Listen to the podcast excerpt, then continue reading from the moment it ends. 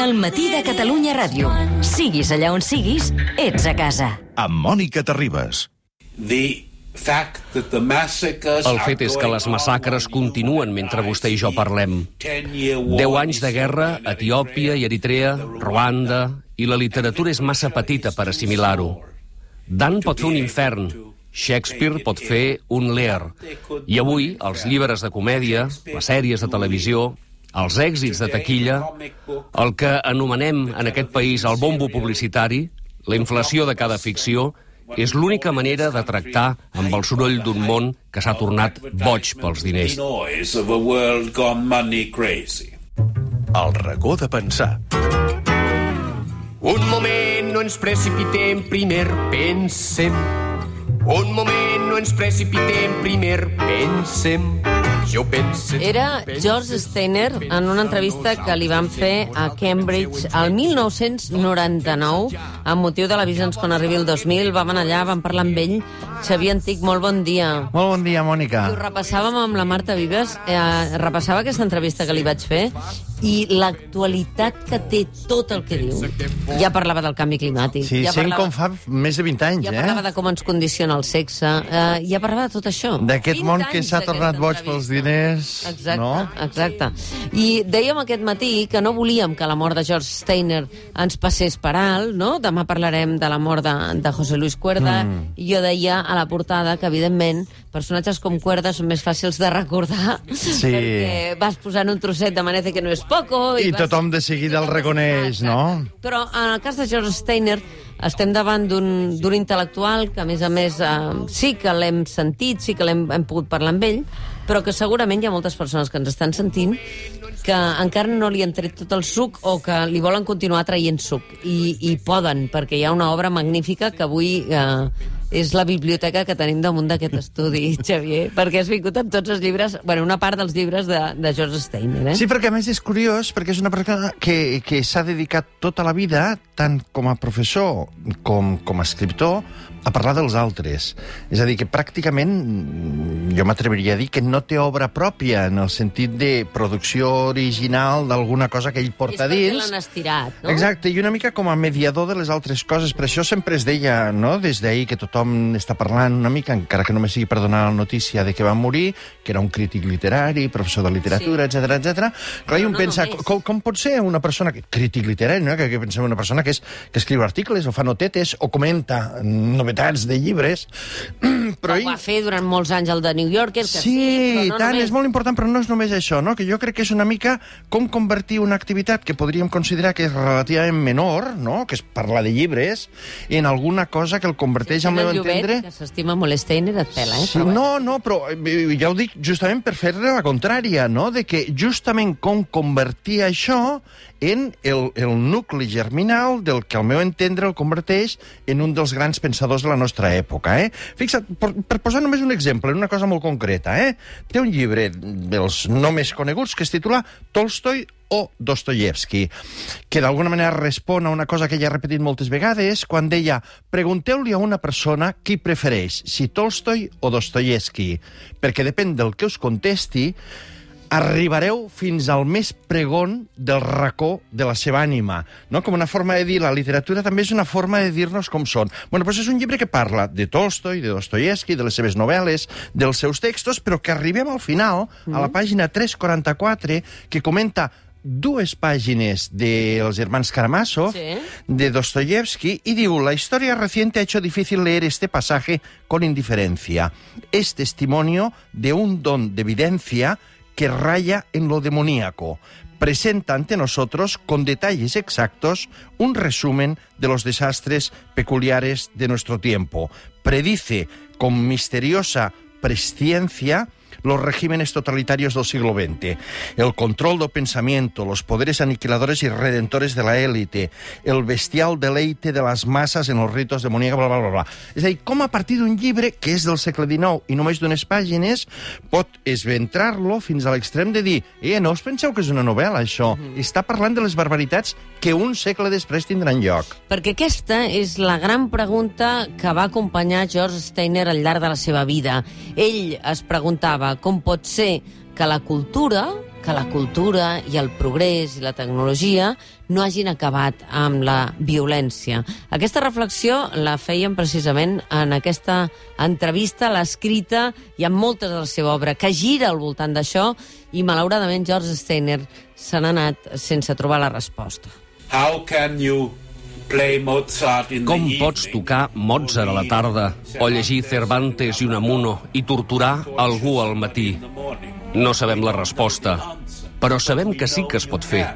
La famosa esperança que la cultura ens farà més humans ha fracassat i ningú fins ara té una resposta. Aquesta és la pregunta més difícil. De fet, potser el gran sadisme i la gran falta d'humanitat poden anar plegades amb la gran cultura. Go with great culture. No oblidem que George Steiner eh, va néixer en una família jueva a prop de París. L'any 29 la seva condició de jueu impregna afortunadament tota la seva obra. Es va exiliar als Estats Units a començar al començament del, de la Segona Guerra Mundial, va estudiar a les universitats de Chicago i Harvard i evidentment que, que i en aquesta entrevista en parlàvem i en parlava també amb Antoine Espar en aquesta conversa de, de la, la barbàrie de la ignorància, eh, quina és eh, per ell la inexplicable raó per la qual la humanitat genera aquesta violència permanent. No? És quasi bé com un inexplicable que ell ha arrosse... ha arrossegat i ha... Sí, sí, sí. durant tota la vida. Eh? Ell a la conferència que va fer a Girona quan va venir el 2001... I és quan tu el vas... Eh, que és quan el vam conèixer, més, no? el va convidar la professora Pepa Balsac i el vam tenir el privilegi absolutament irrepetible d'estar una setmana sencera amb ell, esmorzar, dinar, sopar, matí, no tarda, nit... sort, eh? A mi em van donar mitja, Mitja hora. I Sé la que- seva dona va, es va presentar i va dir no me'l canseu S'ha acabat, s'ha acabat. No? tornar. no, per dir que és una persona que sempre tornava una mica amb aquestes preocupacions. Eh? Ell ho va... I, i per tant, ja eh, deia que en la conferència va dir una cosa molt concentrada, com una anècdota quasi bé, que jo no l'he trobat escrita en cap dels seus llibres, quan va dir que per amb ell, una mica la confrontació amb aquest problema que tu ara esmentaves, era quan un soldat anònim de les SS en el camp d'Auschwitz davant d'un eh, deportat absolutament famèlic que li demanava per beure, agafa una ampolla d'aigua i la llança tota. I el presoner li pregunta per què.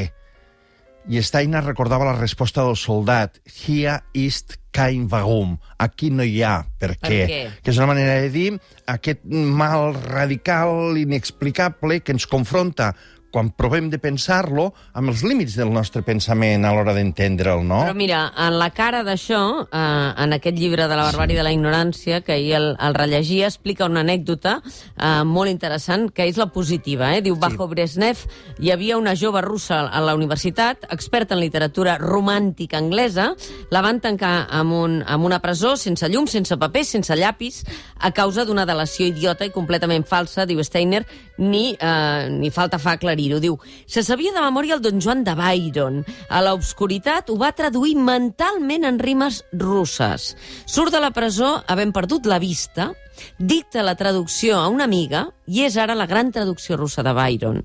Davant d'això, diu George Steiner, jo em dic diverses coses. En primer lloc, la ment humana és indestructible. Dos, la poesia pot salvar l'home fins al que sembla impossible. Tres, una traducció, fins i tot amb la imperfecció humana, tradueix el que tradueix, la qual cosa és una altra manera de dir que hi ha una relació entre llenguatge i realitat. I quart, hem de ser feliços. Vull dir que no es va... Exacte, exacte. Sí, no sí. es va respondre... No, que és la part no de la contrapartida, no? És la- és Efectivament. part, no? Ell explicava també a Girona, ens va explicar una altra història que ens la va explicar molt emocionat.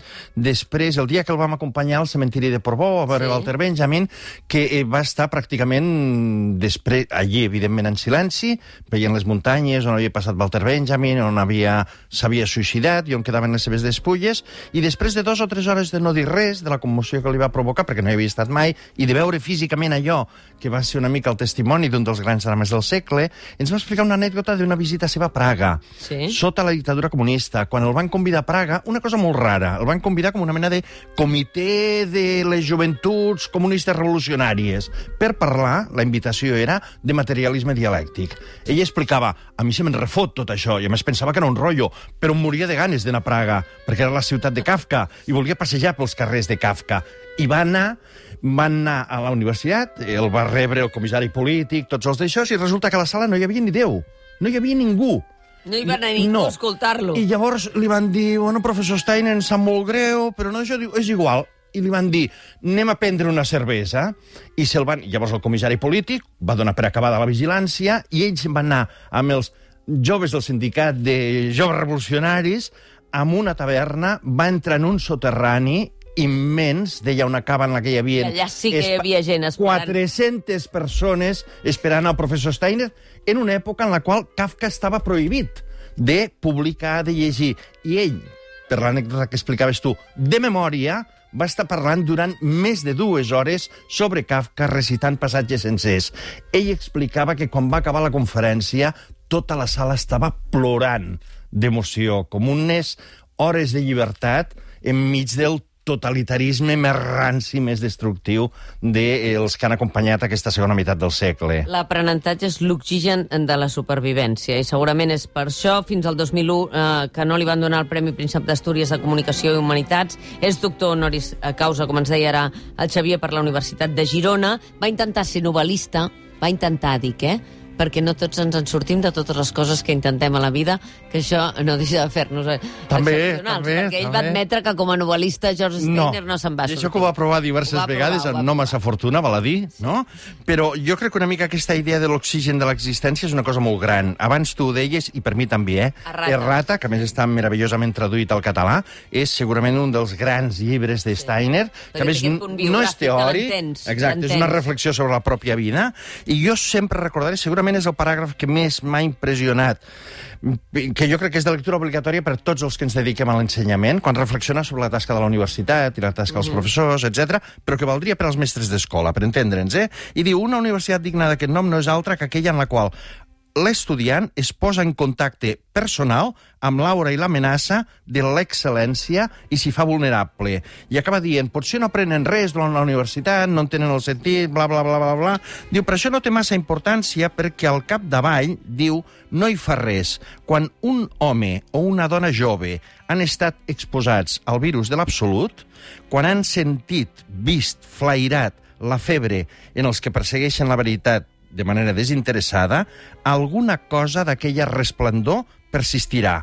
Aquests homes i dones estaran equipats per a la resta de les seves vides, encara que duguin una existència normal o mediocre, d'un salvavides contra el buit. Jo crec que aquesta idea de l'ensenyament, de la simple... La, la humilitat de saber que som, ell ho deia sempre, mediadors d'una enorme grandesa a alguns que són potencialment receptors d'aquesta cosa gran. I que, per tant, l'únic que s'ha d'aconseguir és que aquesta grandesa no es perdi i que arribi algú al qual, si el toca, tindrà aquest salvavides contra el buit per a tota la seva vida. Xavier Antic, quina meravella poder fer avui el racó de pensar amb Steiner i ens n'anirem sentint-lo perquè era un visionari. Eh, eh, us insistim que aquesta entrevista que li van fer, li van fer l'any 1999 eh, a Cambridge i eh, ja parlava de que ens estàvem carregant el planeta i parlava de les tecnologies, de com els telèfons, i estem parlant del 1999, eh, interrompien la nostra capacitat de pensar i, sobretot, d'escoltar. Gràcies, Xavier Antic. And we are ravaging the planet. Estem destruint el planeta, estem tallant els boscos, els oceans estan contaminats, els animals es moren. El moviment ecologista és un dels pocs grans avenços del segle XX amb una esperança positiva. Diuen, per l'amor de Déu, atureu abans que sigui massa tard, però pot ser que ja sigui massa tard. You're working and a telephone call Tu estàs treballant i una trucada trenca tot el ritme d'atenció i treball. I molts de nosaltres jurem que no tindrem telèfon i no som prou forts. Quan sona el telèfon, deixem estar la feina i la ment deixa d'escoltar. El matí de Catalunya Ràdio, amb Mònica Terribas.